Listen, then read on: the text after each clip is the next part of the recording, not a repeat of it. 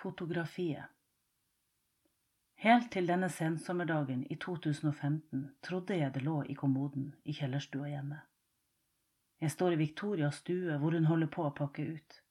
Sammen med mannen sin og de to små barna er hun kommet tilbake til Norge etter noen år i Finland. De flytter inn i min farmors hus i Sarpsborg.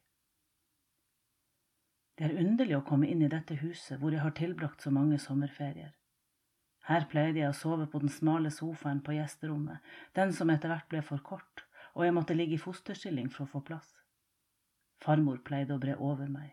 Hun løftet alltid beina mine opp og brettet dyna under. Lukten av nyvasket sengetøy blandet seg med parfymen hennes. Blikket mitt sveiper over det nakne rommet. Stua er forandret.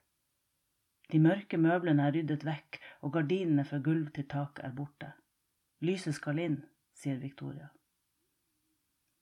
På den ene veggen henger fortsatt ei av farmors teakbokhylle som hun kjøpte da hun moderniserte på 1960-tallet.